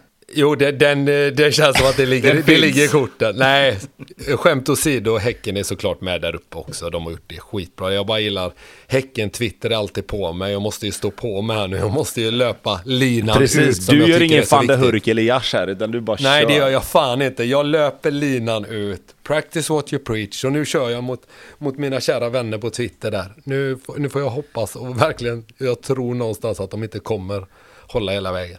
Okej, om de inte spelar bästa, det sa ni emot båda dig. Men då måste ju... Eller så här, om Jeremejeffs målsnitt fortsätter så vinner Ja, ja, de ju... jo, jo. Men han gör ju ett mål per match, Mårten. Ja, exakt. Och va- varför skulle han bara sluta med det helt plötsligt? Alltså, sannolikheten är väl större att han inte gör ett mål på matchen än att han fortsätter göra ett mål på matchen. Ja, det är ju orimligt det han håller på med. Ja, Ja, men man kan ju ha en orimlig säsong. Mm, fast över redan 30 haft. matcher är det svårare tror jag än, än över 20 då. det är klart det är så. Det är klart det är så. Ja. Jo, men han kommer inte bara sluta, han kommer inte göra tre på de kvarvarande. Han skulle kunna göra 6 på 12 kvarvarande. Ja, eller åtta. Det är ju ganska... Ja, men hur, alltså, man, man, det är helt omöjligt att ha Häcken som favoriter som det ser ut nu. Så det, så det laget som leder serien med 12 gånger kvar och har allsvenskans Ja. överlägsna skyttekung, de är inte favoriter. Nej, Klart inte, att nej de får- absolut För inte. historien, då kan vi räkna bort Bayern också ju. Nej, men, vad, Då men, kan- vadå, men då kan menar, vi räkna bort- alla ni tre det? Men du, Blåan, då kan vi räkna bort Hammarby också. Om vi ska se ja, på... ja, men, fast, jag, fast jag har inte pratat om historien någon gång. Men lite har du det. Och dessutom vann, vann, vi, vann vi kuppen förra året. Men Häcken har väl vunnit kuppar Men, åt men vänd, och Ja, men vi, och så här då, Blomman, vi vänder på frågan istället då. Varför är Hammarby större favoriter än vad Häcken är då? Ja, verkligen. För att jag tycker att Hammarby är ett bättre fotbollslag än Häcken. Jag tycker de har spelat bättre över året också. Ärkegetingen Tobias Hysén rider ut till försvar som Nej, vanligt. men, nej, men, men jag, jag försöker Pratar, bara, säger vi jag ett försöker dumt ord bara om Djurgården liksom... eller, eller Häcken, då tar det hus i helvetet i den här podden. Jag tycker vi är bättre för att vi har, vi har släppt in mindre mål än de, vilket jag tror är viktigare i det långa loppet. Vi var i en final i Svenska Kuppen och vi är framförallt, tror jag, mycket bättre hemma eh, än vad Häcken är. Och nu har vi dessutom börjat spela borta bra. 5-0-3, andra bäst borta, bortastatistik i Allsvenskan. Men Häcken har ju fler har poäng. väl- Det är väl bättre än att ha färre två- poäng? Eller? De har två poäng fler, det har de absolut. Och det är ju bättre. Men, men med, 12, Eller? med 12 omgångar kvar så spelar det inte jättestor roll om det är två poäng eller om det är lika många poäng. Vem som leder med en eller två poäng med 12 omgångar kvar är rätt meningslöst. Men ni är så här, åh, bra straff, en bra straff går i mål, en dålig går, eller så här. Man kan inte slå en bra straff som inte går i mål. Då, kan, då är ju också det laget som leder serien, måste ju vara bättre än det laget som, eller ha, de måste ju ha varit bättre än det laget som ligger trea. Väl? Det, det är ju klart att, alltså, nej, men alltså när det kommer till, till så små, till så små Okej. marginaler, över 18 matcher, Över 30 så, så då? är det inte per automatik. Jag är häck, vinner Häcken över Är de över bättre 30 än så Hammarby då? Om de vinner serien? Ja, ja, det skulle jag säga. Det är de ju absolut över 30, det- men det tycker Ja, jag. tabellen ljuger aldrig när det är slut. Där kommer jag ju absolut... Nej. Skulle de vinna Men, kommer men, jag säga då att de har var de ju, bäst. men då har de ju mött samma lag hemma, samma lag borta. Korrekt. Du kan ju liksom inte säga, alltså det, det håller ju, det faller på sin egen orimlighet. Jag tror också att försvaret gör mycket, det är därför jag tror att Bayern, eller tycker Bayern är mycket bättre än vad de var tidigare. Vi har släppt in 13 mål på 18 matcher. Normalt sett så hade vi ju släppt in 25 mål vid Som det här Häcken. laget. Ja, typ. Ja. Men med det sagt så tycker jag att Djurgården är det klart bästa laget. Eller klart, jag tycker de är, de är bästa laget i, i allsvenskan för tillfället. Däremot så tror jag de får problem om de eh, får dubbelmöte mot Apoel, går vidare och sen får spela gruppspel i höst. Då tror jag det blir tufft. Helt sjukt att liksom Malmö och Gnaget är med. Jag tänkte, alltså jag kände, kände som att Malmö är mer än tre poäng efter Bayern. Ja, AIK är ju- inte med länge till så, länge- så som de spelar för, för dagen, det kan jag säga. Hammarby, Djurgården, favoriter, Stare rätt. Han, eh, vad var det han sa? Att de har sån extrem fördel av sitt konstgräs va? För att det är så dåligt konstgräs också. Stämmer det? Ja, ja jag har inte spelat det men eh, vi är uppenbarligen väldigt bra hemma och det är Djurgården också så det ligger väl något i det kanske. Det är som när, vad är det, Nokamp som har en mycket större plan än alla andra. Li- Lite fubb. AIK Värnamo, Antonsson, blir man inte klok på. Nej, fan vad han har växlat Han är upp. bra nu faktiskt. Han, eh, De i Halmstad måste ju undra. Ja. Men alltså så här då, jag, jag tycker att Dels så tycker jag att de har börjat, alltså att Värnamo har börjat använda honom tidigare i sin anfall. Innan har det varit mycket så här att när de har vunnit bollen så tycker jag att de har försökt behålla bollen och börjat om med speluppbyggnad ganska snabbt. Nu har de faktiskt de senaste omgångarna här, sen vi var rädda att de skulle falla ner i kolgruvan här, så har de ju börjat sätta den tidiga bollen in bakom backlinjen. Och då har ju också Antonsson fått ut max av sina egenskaper. Liksom. Eh, det är ju otroligt många mål han har gjort nu där han har spr liksom sprungit på den här tidiga bollen. Och den kom inte lika ofta i början. Eh, så att där tror jag är en del som de har adderat till sitt spel som också har gjort att de har blivit bättre överlag. För att när de då sätter de här bollarna in bakom tidigt, då blir det ju direkt att motståndarnas backlinje måste ju börja falla, vilket gör att ytorna mellan lagdelarna öppnas och där är Värnamo också rätt skickliga. Så att jag tycker det har varit en, en successiv förbättring av deras sätt att spela som gör att både Antonsson och Värnamo har börjat ta de här poängen igen nu. Så jävla fina mål också. Alltså, framförallt första där i inspelet när han... Alltså superinlägg ju. Kanske ingen, jag vet inte om det är något bländande försvarsspel kanske, men han... Men framförallt med Antonsson tänker jag att han... Alltså alla påverkas ju av självförtroende. Men han måste göra det extremt mycket. Han liksom... Vann han skytteligan i Kalmar? Mm, var han, vann han skytteligan? Nej, gjorde Det han tror jag han inte. låg väl i alla fall- Han gjorde en hel del mål alltså, men jag vet inte om Ja. han vann skytteligan. Men det man Och kan sen- säga tycker jag om Antonsson också, det är att när han är i form, nu är det kanske att slå in en öppen dörr, men alla är ändå inte så självklara. Han är ju en otrolig avslutare när han är i form. Alltså det, det, Ja. det ser ut som han aldrig gör något annat än att göra mål. Och väldigt dålig avslutare när han inte är i form. Nej men precis, alltså, det- spannet alltså- däremellan är så otroligt högt, eller otroligt stort. Men alltså när man ser de målen han gör nu, när han kommer fri, när han kommer med, som den mot, mot eh, vilka var det de slog nu? Det var Hammarby va?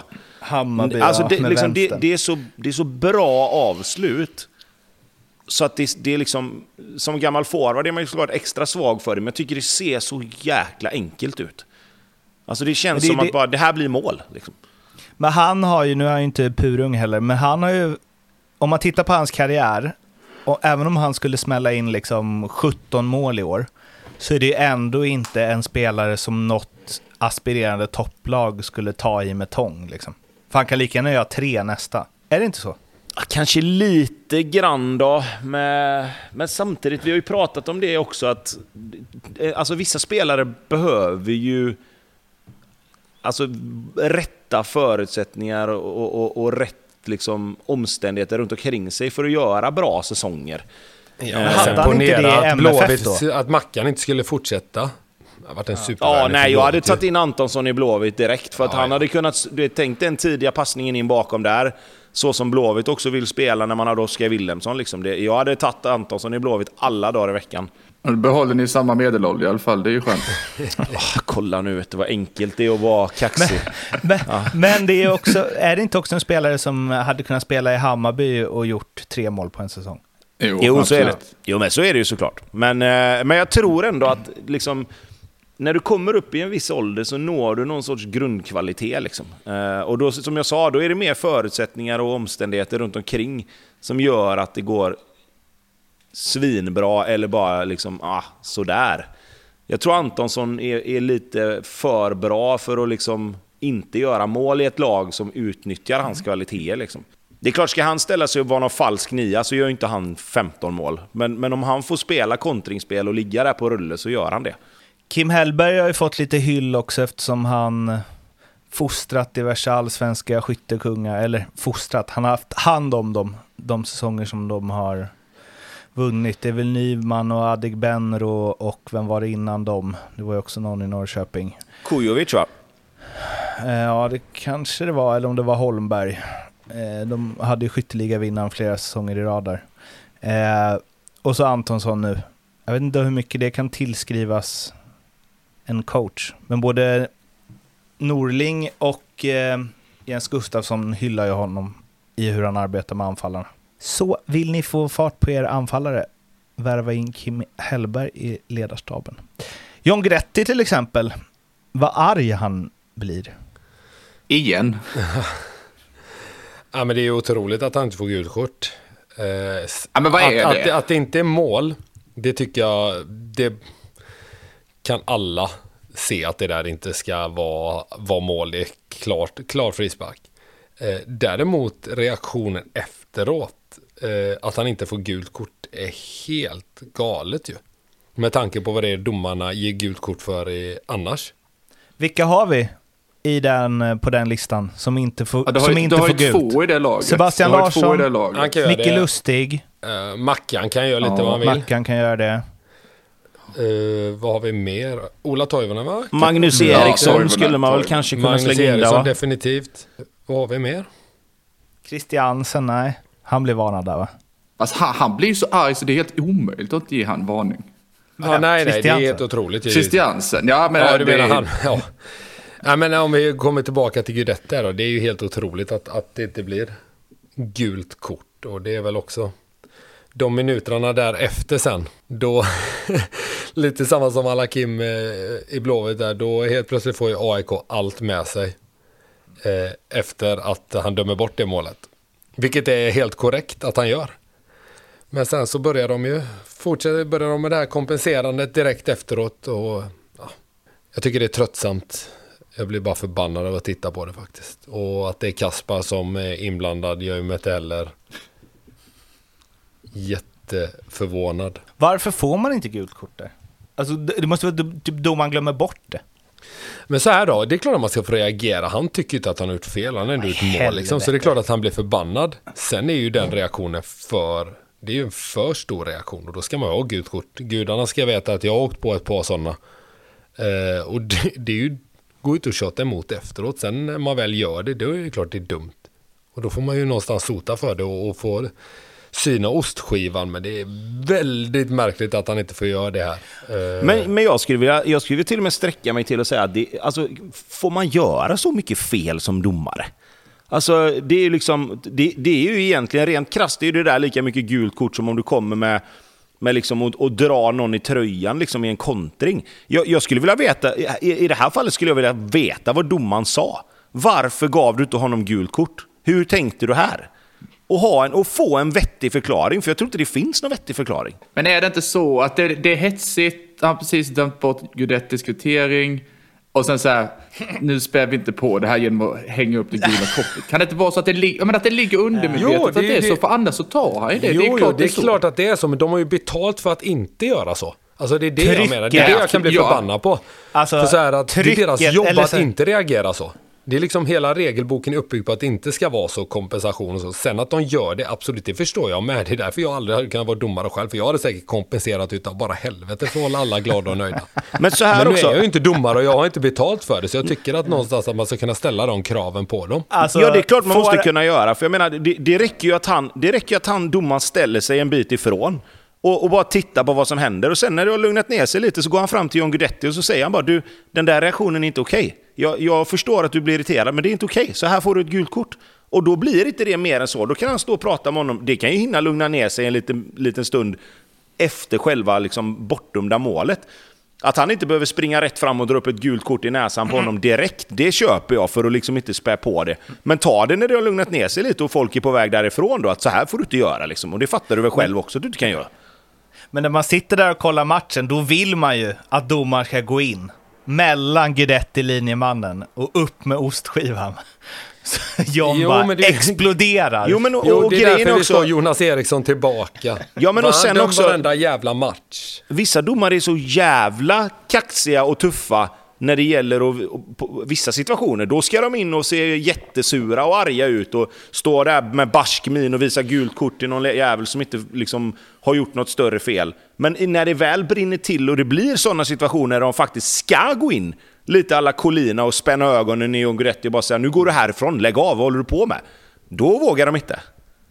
Vet ni vem man hade velat ha det? Man hade velat ha han som visade ut Teddy Lucic. Som ett flin ger Guidetti ett gult. Eh, men, Nej, eh, de har, inget, de har inget lätt jobb, men eh, den här omgången och, och rätt mycket faktiskt, tycker jag att de gör det rätt så dåligt faktiskt. men vad får man säga där? Nej, Alltså, du får ju är- reagera såklart, men det får ju finnas någon form av, eh, alltså, om vi pratade om det lite innan, respekten, den har jag ju tappat där. Eh, och det, absolut, det förstår jag att man gör. Fan, han har gjort mål, det blir bortdömt, han tycker inte att han har gjort fel. Eh, han vet vad det målet skulle betyda. Eh, och, men, men det blir ju en för stor reaktion, den är ju liksom inte, den är inte okej. Den, det är för Men är det, mycket. rea- Är det reaktionen, alltså om vi säger att han inte säger något fult, att det enda han säger där är hur kan du döma bort det här? Att det är det han skriker gång på gång. Jo, absolut, visst gör han kanske det, men det är ju, alltså det är ju... Är det ändå Det är ju en sydeuropeisk reaktion, fast den är ju till och med lite för mycket där. Alltså jag tror att eh, mycket i att du får ett gult kort, det är väl just att alla ser att du liksom, om man ska säga gnäller på domslutet liksom. Det är ju därför de har varit där med att man inte ska, du vet de här gesterna när du liksom viftar mot domaren eller drar näven i backen eller du vet, boxar iväg en boll eller någonting. Jag tror inte att, jag tror inte att, alltså jag tror man kan komma undan med att säga rätt mycket. Om du bara, Alltså, om du... du- bara går, om du bara tar diskussioner med domaren eller reagerar utan att liksom vifta och skrika, liksom, så tror jag att du, liksom, det vet jag själv, att domarna är rätt fine med att man kan säga mer än vad man kanske tror att man får egentligen. Men det är just när alla runt omkring ser och att du liksom på något sätt viglar upp publiken med din reaktion. Det är ju då det gula kortet ska komma fram. Men vadå, hur mycket kan du säga? Kan du lugnt och sansat säga till domaren, alltså fy fan vad du är dålig? Ja, men jag, Ja, jag det- tror, jag nej, tror men på nästan. riktigt att du skulle kunna säga till domaren att Ja. fan vad dåligt det var. Hur fan kan du missa den? Om du bara liksom inte står och viftar och skriker och gapar samtidigt. Liksom.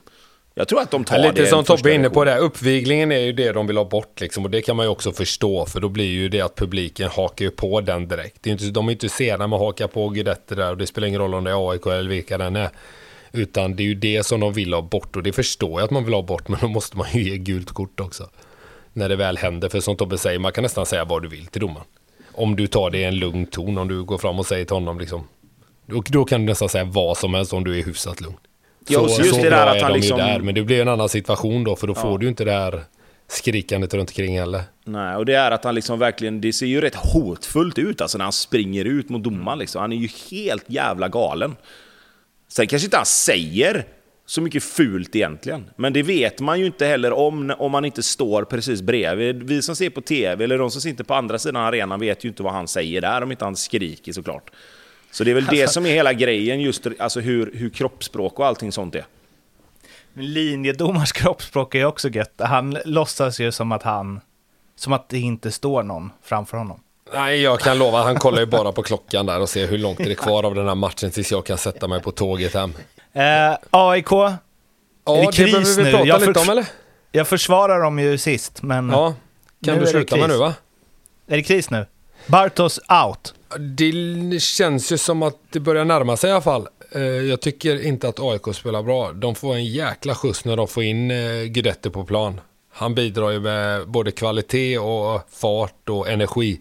Som jag tycker att de saknar i rätt stora delar av den här matchen. Jag tycker nästan, nästan så att Värnamo är det bättre laget. Vad ser ni när ni ser AIK? Jag är lite orolig för, för deras skull. Ja, men det hackar, det gör det ju absolut. Eh, dels har vi pratat om det här att de är inte alls lika ramstarka och, och den maskinen bakåt som de har varit innan. Eh, och sen så, det, det är lite... Alltså, man är ju så van vid att AIK när de är bra är som ett, liksom som jag sa, det, som en maskin, en kollektiv maskin. Liksom. De flyttar sina lagdelar både i anfallsspelet och i försvarsspelet. Det är inte liksom... Det är inte supersexigt på något sätt, men de får jobbet gjort och de har individuell kvalitet som löser ett eller två mål framåt som gör att de vinner matcherna. För att de är otroligt bra och stabila bakåt. Nu är det lite tvärtom. Nu är det liksom... Nu är, blir det lite för mycket att de förlitar sig verkligen på att någon ska göra de här individuella prestationerna för att de har inte det här liksom stabila försvarsspelet att luta sig mot. Vilket gör att det blir lite, jag ska inte säga panik, för det tycker inte jag man såg, men det blir lite så här att snälla någon hitta på något. Liksom, gör någonting framåt så att vi kan få med oss poäng från den här matchen. Och det tycker inte jag riktigt man är van att se när det gäller AIK, framförallt inte AIK som mår bra. Eh, och hur det kan ha blivit så, det vet jag. kan inte riktigt sätta fingret på varför det har blivit så. Jag, tror, alltså jag tycker inte nödvändigtvis att alltså individuella kvaliteten på spelarna har blivit så mycket sämre, utan det är bara någonting som inte klickar i riktigt just nu. Ja, fast jag skulle nog säga att jag tycker nog den individuella kvaliteten där bak framförallt. Eh, jag tycker en spelare som Sotte det här året inte alls har kommit upp i någon nivå överhuvudtaget. Eh, han är jag rejält besviken på så här långt. Det kan jag säga. Det är väl en av anledningarna till att han inte, kanske inte har spelat varje match heller. Jag vet inte om det har berott på att han har varit skadad eller, eller petad. Det låter jag väl vara osagt. Men jag tycker inte att han har sett så bra ut som han behöver göra. För han behöver ju vara en av de bärande pjäserna som han varit eh, tidigare. Milosevic tycker jag ändå har sett bra ut. Men kolla på Antonssons Eh, andra mål där när han går upp bakom Lustig. Lustig förväntar sig någonstans att eh, Mendes ska komma in och bara ta bort honom. Och nej, de är inte ens i närheten. Han kan enkelt stå och nicka in den bara. Och det känns inte eh, signifikativt för, för AIK. Det tycker jag absolut inte. Så det är ju där de har sina största problem. Det är ju i försvarsspelet. Och jag tycker väl att det är spelare där som kanske inte riktigt har kommit upp till den nivå som, som, som de bör göra. Ja, men, men så här, då, om man kollar, för det är uppenbarligen är det ändå försvarsspelet som är den stora diffen jämfört med tidigare säsonger. Eh, har de inte egentligen en bättre målvakt och ett bättre försvar på pappret i år än vad de haft tidigare? Men alla har blivit ett år äldre. Ja, det är kanske Eller lite två. det jag är inne på också. För jag var helt övertygad om att AIK har det bästa försvaret i allsvenskan när, när vi skrev upp lagen inför säsongen. Och skulle jag kolla på, på det igen så, så är väl någonstans... Men vadå, alltså, tänk Lustig, Milosevic, Milosevic Papagiannopoulos och Otieno och sen Nordfeldt. Alltså... Ja, ja. Och så har du Mendes där också som jag tycker har varit duktig. I den här Exakt. matchen är kanske ett misstag då, men, men utöver det så tycker jag han har varit jävligt bra när han har fått spela och han är en sån modern ytterback. Jag håller med dig. Jag vet inte riktigt vad det är. Det känns väl som att ett tränarbyte, tränarskifte börjar att eh, närma sig med stormsteg, eller? Norling är tillbaks snart tror jag. Kör man man igen? Nej. Och så vill jag ha en halvtidsintervju äh, Men kan, kan, det vara, kan, det vara, kan det ligga någonting i ändå att alltså, kurvan på, på kvalitet och allt vad det innebär där bak börjar vända? Att det tippar över liksom och haft sina bästa dagar? Jo, givetvis. Sen vet jag inte hur gamla är de? Lustig är som så, nej, men alltså, vi snackar ju, visst Lustig är ju äldre, men de andra tre har väl inte fyllt 30 mm. ens eller?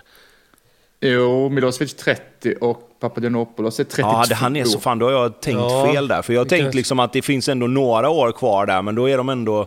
Ah, Milosevic Nej, tycker jag... Det kan vara så att de är på retur liksom, absolut. Visst kan det vara så. Ja, men vad tror ni, blir han kvar inte. eller? Vad sa du? Blir han kvar? Blir han kvar, Bartosz? Alltså åker de mot eh, Slovacko, heter ja. de va? Då, då, då är det tack och hej tror jag. Eh, jag går de vidare där så kommer han ju vara kvar resten av säsongen, det är jag rätt säker på. Det vore helt sjukt att sparka honom och gå till conference-gruppspel. Och vad, det gör man och vad ska in också? Det känns ju inte som att de bara... Ja. Då, då blir det ju ja, nej, han sitter väl kanske året ut eh, hur den blir och sen eh, kanske man hittar något nytt då. För jag tycker ändå att de har ju lite intressanta pusselbitar. Du är, när Guidetti kommer in, det är riktigt mycket klass på honom, alltså i, i princip varenda aktion. Så har de honom på planen mm. så kommer de ändå bli farliga. Eh, så har de de här ungtupparna också. Jag gillar han här Jari. Tycker jag håller på att växa ut till en riktigt, riktigt bra spelare och han är jätteung. Eh, Mendes sa jag innan. Eh, också varit bra när han har spelat i år. Jag tror ändå att på sikt tillbaka. så kommer de bli riktigt bra. Det är väl bara, det är väl bara i år kanske som man inte orkar att hänga med. För det tror jag inte man kommer göra. Men om, om de går till Conference League-gruppspel och kommer, säg, fyra, femma i Allsvenskan. Tror ni han får lämna då efter säsongen ändå? På grund av hur ja, det ser ut ja. då menar du? Garanterat. Ja, det är jag också helt säker på. Det knorras för mycket där ute. Men vet ni, alltså AIK, jag har alltid liksom känt något kring AIK, blivit irriterad på mig, stört mig på mig. Det har alltid varit kaos kring den föreningen. Det har alltid, det har alltid varit så här, oh, lite rubriker om AIK igen, så här kul, nu händer och de vinner guld, men ändå så är det någon som ska liksom avgå eller någon som får oväntat sparken eller... Men de känns så jävla, trots Gudetti och så, de känns så jävla mellanmjölk nu. Jag kan inte komma ihåg senast jag såg en eh, intressant rubrik om Gnaget. Lugn och ro, men också tråkigt. Alltså, jag vet inte. Det känns som att de inte berör på samma sätt i år som tidigare. Nej, Nej men det, jag skulle tippa att det kommer snart. Eh, bomben briserar nog snart. Det har varit lugnt man, alldeles för länge. Det är lite ja, det som, har det. Alltså det, det är väl det. lite som med Blåvitt. Man vet att till slut så händer det något. Ja. Men det måste ju, alltså jag saknar liksom Björn Westström. Att det ska, alltså... Jag vet inte. Någon, att någon säger något om ja, någon men Jag tror att det kommer hända eller... snart. För jag tycker, någonstans, jag tycker det finns en frustration där på spelarna. Jag tycker man ser det när de spelar. Eh, jag tycker framförallt att AI, det finns inga linjer. Vi har varit inne lite samma som med Blåvitt tidigare då, att det finns inga linjer i deras spel. Jag vet inte vad det är de vill göra när de, när de anfaller. Eller när de spelar fotboll mot Värnamo. Jag vet inte vad det är. Ge bollen och hoppas att, att någon gör något bra med det är den. verkligen, Men en, det är verkligen, de har så här, sakta, sakta, sakta jobbat bort lite alla hatar oss-grejen. Man känner bara så nej, alla känner typ ingenting. Eller? Ja, nej, du, du jag tycker att du har en poäng här. ja, jag hatar fortfarande i och för sig, men ja. Ja, vi går in på Norrköping då, som ju tog eh, en pinne borta mot Elfsborg 1-1. Första tränaren under Glenn, eh, första matchen under Glenn med eh, 1-1. Och eh, såg, eh, vad heter han, David Ivung va, som eh, skriver på Norrköpings tidningar där, som var inne på att eh, visst, allt kanske inte såg kanon ut och eh, det blev bara en pinne mot ett Elfsborg som är i en djup formsvacka, men att det kan ändå vara ett rätt tydligt steg framåt mot någonting för Norrköping. Vilket jag såg hela matchen och måste säga att det var länge sedan jag såg den aggressiviteten och alltså det kulminerar väl någonstans i Ortmarks tjabb med Johan Larsson efter att Ortmark hade sparkat ner vem det nu var. Eh, men det har man ju fan inte sett i Norrköping på hela säsongen. Nej, de är riktigt griniga nu. Det har ju med Sigurdssons intåg också som jag varit inne på lite innan. Jävlar vad han är på alla. Så stod ju han och, eh, vad heter det? Ondrejka, såg ni det i slutet? Jag stod och tjabba. Och fy fan! Uh, rös. Där hade du velat komma in med en bensax på båda. Ja, rätt av bara. Nej då. De, eh, Ondrejka snackas det för lite om att inte han spelar någonting. Det, eller? Han skulle bli nästa storförsäljning. Och. Ja, det var ju snacket och det har inte alls blivit det. Ännu, ännu spelare som skulle till Besiktas som inte blev av, va? Men om vi skruvar tillbaka till Norrköping, vad så, såg det nytt ut? Såg det ut som att... Eller det gjorde det ju. De, hade, de spelar ju annorlunda. Fast det såg, en, ut, eh, det såg ut som ett lag, typiskt verkligen, som precis har fått en ny tränare.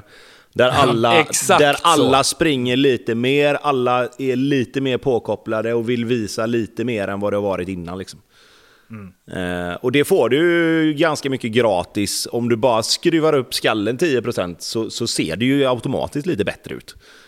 Eh, Så att det, det, jag skulle- det tror jag var den största skillnaden. Sen är det klart att de ändrar lite system och ja, satte lite spelare på lite andra positioner och sådär. Men, men eh, st- största skillnaden var ju att de kom ut och ville, alltså, ville springa och ville kämpa. Liksom.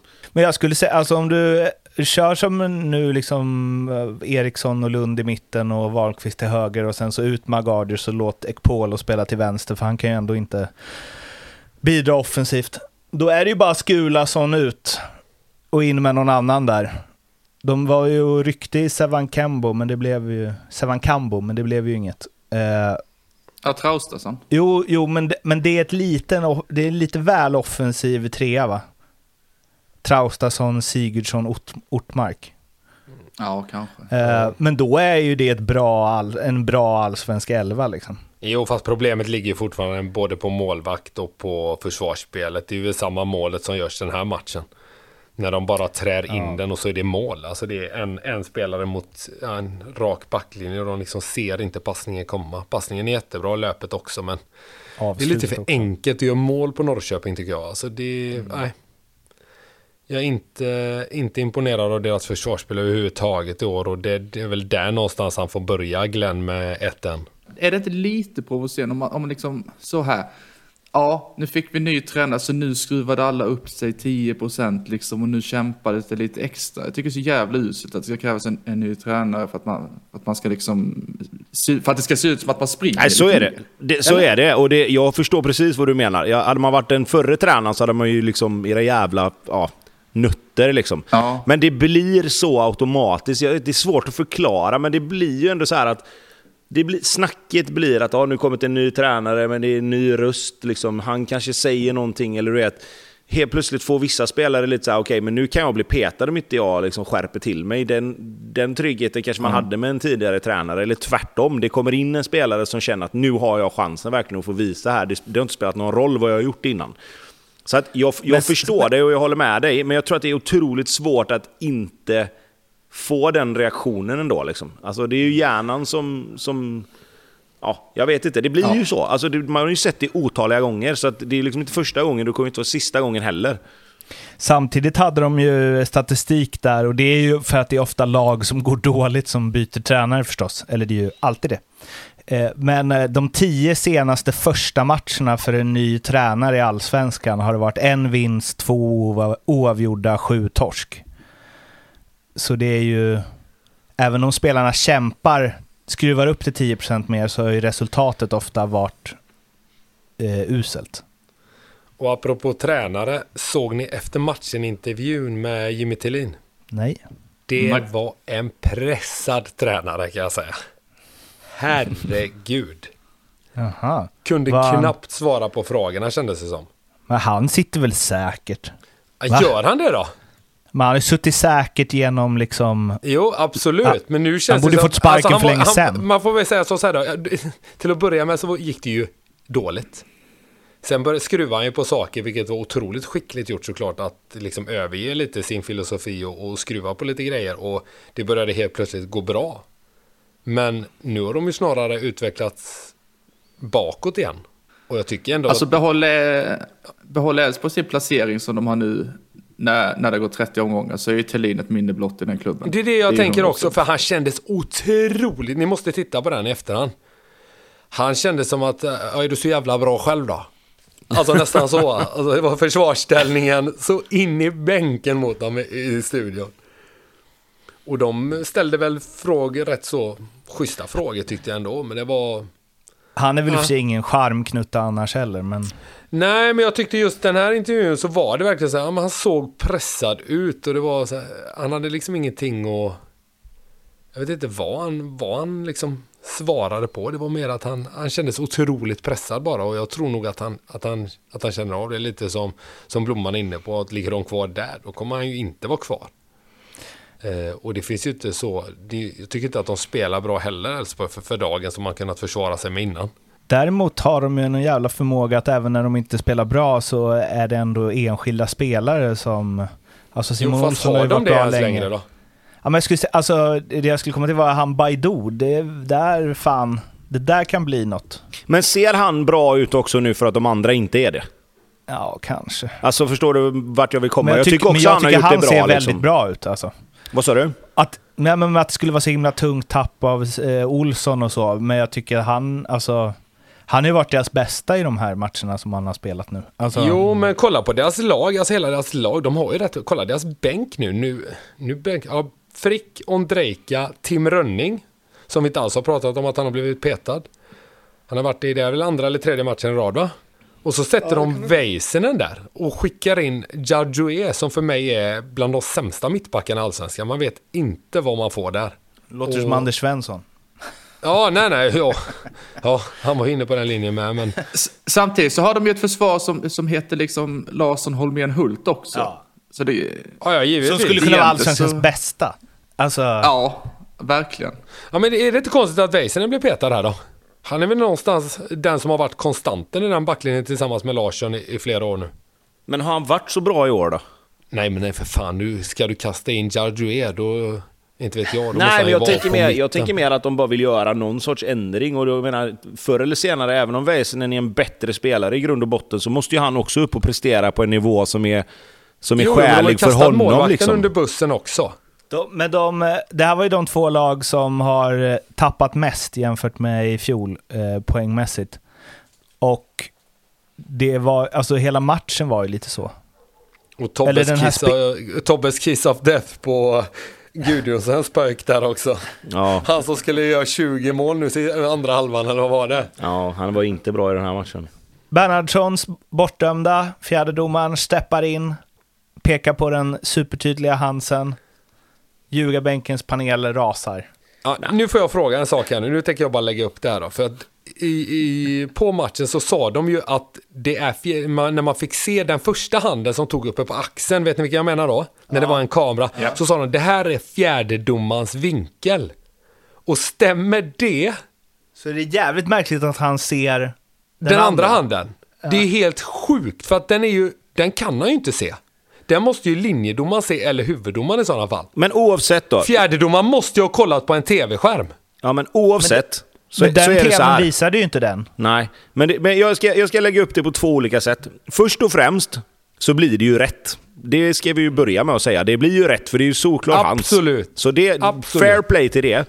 Men sen så här, som spelare i det läget så hade man ju fått krupp på att en jävla fjärdedomare ska gå in och ta ett beslut första gången någonsin i hela jävla fotbollshistorien. En fjärdedomare ska in och börja vifta och vela och lägga sig i någonting. Det är som, som jag skrev i gruppen där, det är som när, när man som tränare bara låter alla spelare döma själva på träningen och sen går man in och tar ett beslut och dömer bort ett mål eller typ ger en straff. Och sen bara är man helt tyst resten. Alltså antingen, antingen så håller då? man käften för alltid och, tar inga sådana beslut alls. Eller så gör man det hela tiden. För det finns så många andra situationer i den här matchen bara till exempel, sen ska linjeman på andra sidan bänkarna få sin skopa också. Men då är det en situation där Norrköping har en jätteomställning. Fjärdedomaren har inget annat att titta på då än typ vad som händer runt omkring bollen. För där kommer Arno Sigurdsson och är solklart snabbare än sin spelare. Blir dragen i tröjan i 20 meter. Till slut så tappar han humöret och river ner Elfsborgsspelaren. Och då får Elfsborg frispark. För att linjeman tar frisparken. Har du stått och tittat på de två över de här 30 metrarna? Varför? Det, alltså, det ska vara frilägesutvisning nästan, för han är helt ensam och får säkert bollen om, om han ser att han springer ifrån honom. Nej, då väntar han tills Norrköpingsspelaren tappar humöret istället. Och så ger han frispark åt andra hållet. Alltså, jag, du vet, jag är på att kasta ut tvn. Alltså, är det inte uppfriskande att vi ändå får Tobias Hyséns första urlackning i podden? Nej, får liksom en och en halv minut Ja, men, alltså, jag, men jag kan bli så här. Jag kan bli så här. Om han tittar på de två och tar den situationen så måste han ju ha sett det som har hänt innan också. Alltså, varför Ja. tar du inte beslutet från början då? Och det är det som är med fjärdedomarna. Sen fattar jag att de säkert pratar med varandra i de här snäckorna och att fjärdedomaren kanske är mer inblandad i matcherna än vad vi får veta. Men, men jag kan bli som, som, som spelare så blir jag provocerad när jag får veta att en fjärdedomare går in och tar ett sånt beslut. Även om det är helt Jag rätt. tror inte- jag tror Även inte att fjärdedomaren alltså. Jag säger inte det, han gör ju helt rätt här. Men då får de göra det oftare. Så step upp, fjärdedomare. Börja döm mer. Men eh, 1-1, det är väl ett nöjt lag och ett eh, mindre. Är det någon som vill se, är det någon som inte håller med Tobbe här? Nej, men jag tänkte Eller- på, apropå det här med att åka hem, jag hade, nu tänker jag inte säga namn, men jag hade, när jag spelade utomlands så hade vi en kille en gång så, så hade vi med oss... Då kan du väl säga nej. säg jag kan inte namn, säga det är nej, någon okänd grek. Nej, jag kommer aldrig outa mina gamla lagkamrater, men, men så här då. Så hade vi en assisterande tränare som ja, också var en gammal spelare, men som knappt kunde röra sig. Han var med i kvadden.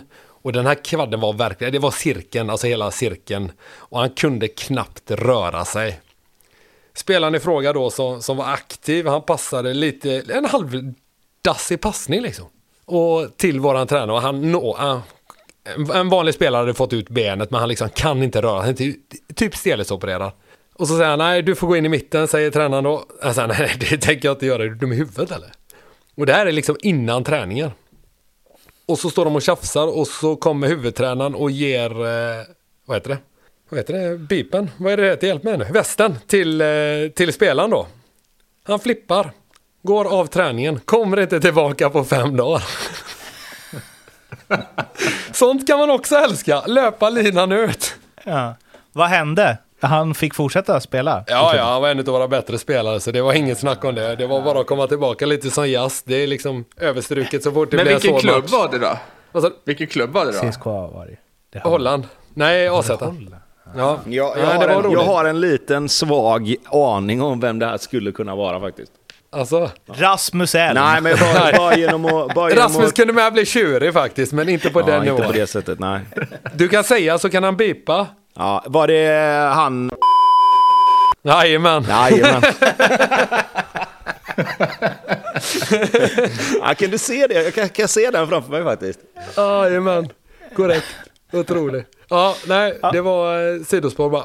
Ja, fint Men man kan gilla när folk, eh, jag gillar ju när folk brinner. Det var ett fint eh, sidospår att avsluta med. Vi eh, hörs eh, efter nästa omgång. Tills dess, följ oss överallt och ni vet sånt. Skriv om ni vill något. Ha det fint. Hej! Hej, hej. Hej då.